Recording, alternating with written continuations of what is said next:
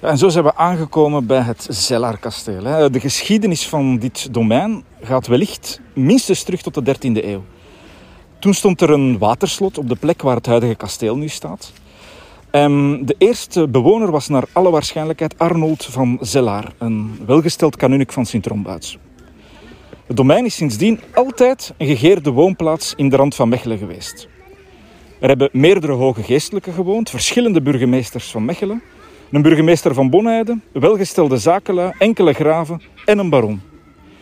En door deze opeenvolging van verschillende bewoners zijn er ook heel wat verbouwingswerken en nieuwbouwwerken gebeurd op het domein. Er hebben dan ook meerdere kastelen op dezelfde plaats gestaan. Het huidige kasteel is een neogotisch waterslot dat gebouwd werd rond het jaar 1885.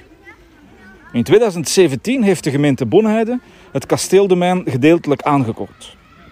De VZ2 Foyer de Charité Bonheide, een lekengemeenschap van de katholieke kerk en de toenmalige eigenaar van het domein, bleef ook gedeelde eigenaar van het domein.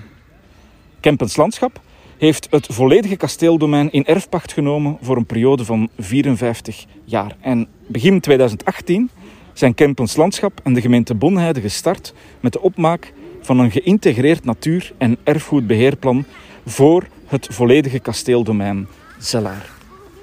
Nu, we zijn ongeveer halverwege onze wandeling hier. Uh, misschien ook eens een moment om terug te blikken op uh, de reacties en de feedback die je zelf al ontvangen hebt van, uh, van mensen op, ja, op wat jullie doen rond beweging in deze lockdownperiode. Ja, ik ben blij dat, eigenlijk, dat we positieve reacties hebben gekregen, ook zelfs op, via onze social media.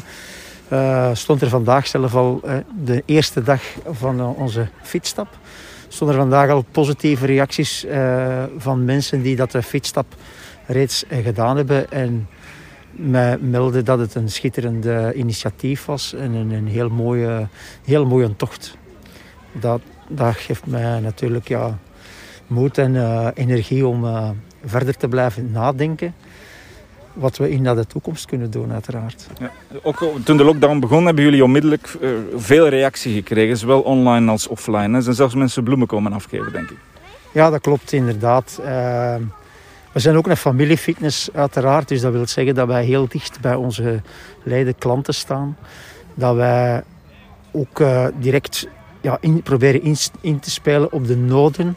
En zo heb ik, zijn al mijn spinningfietsen weggebracht naar, uh, naar onze leden.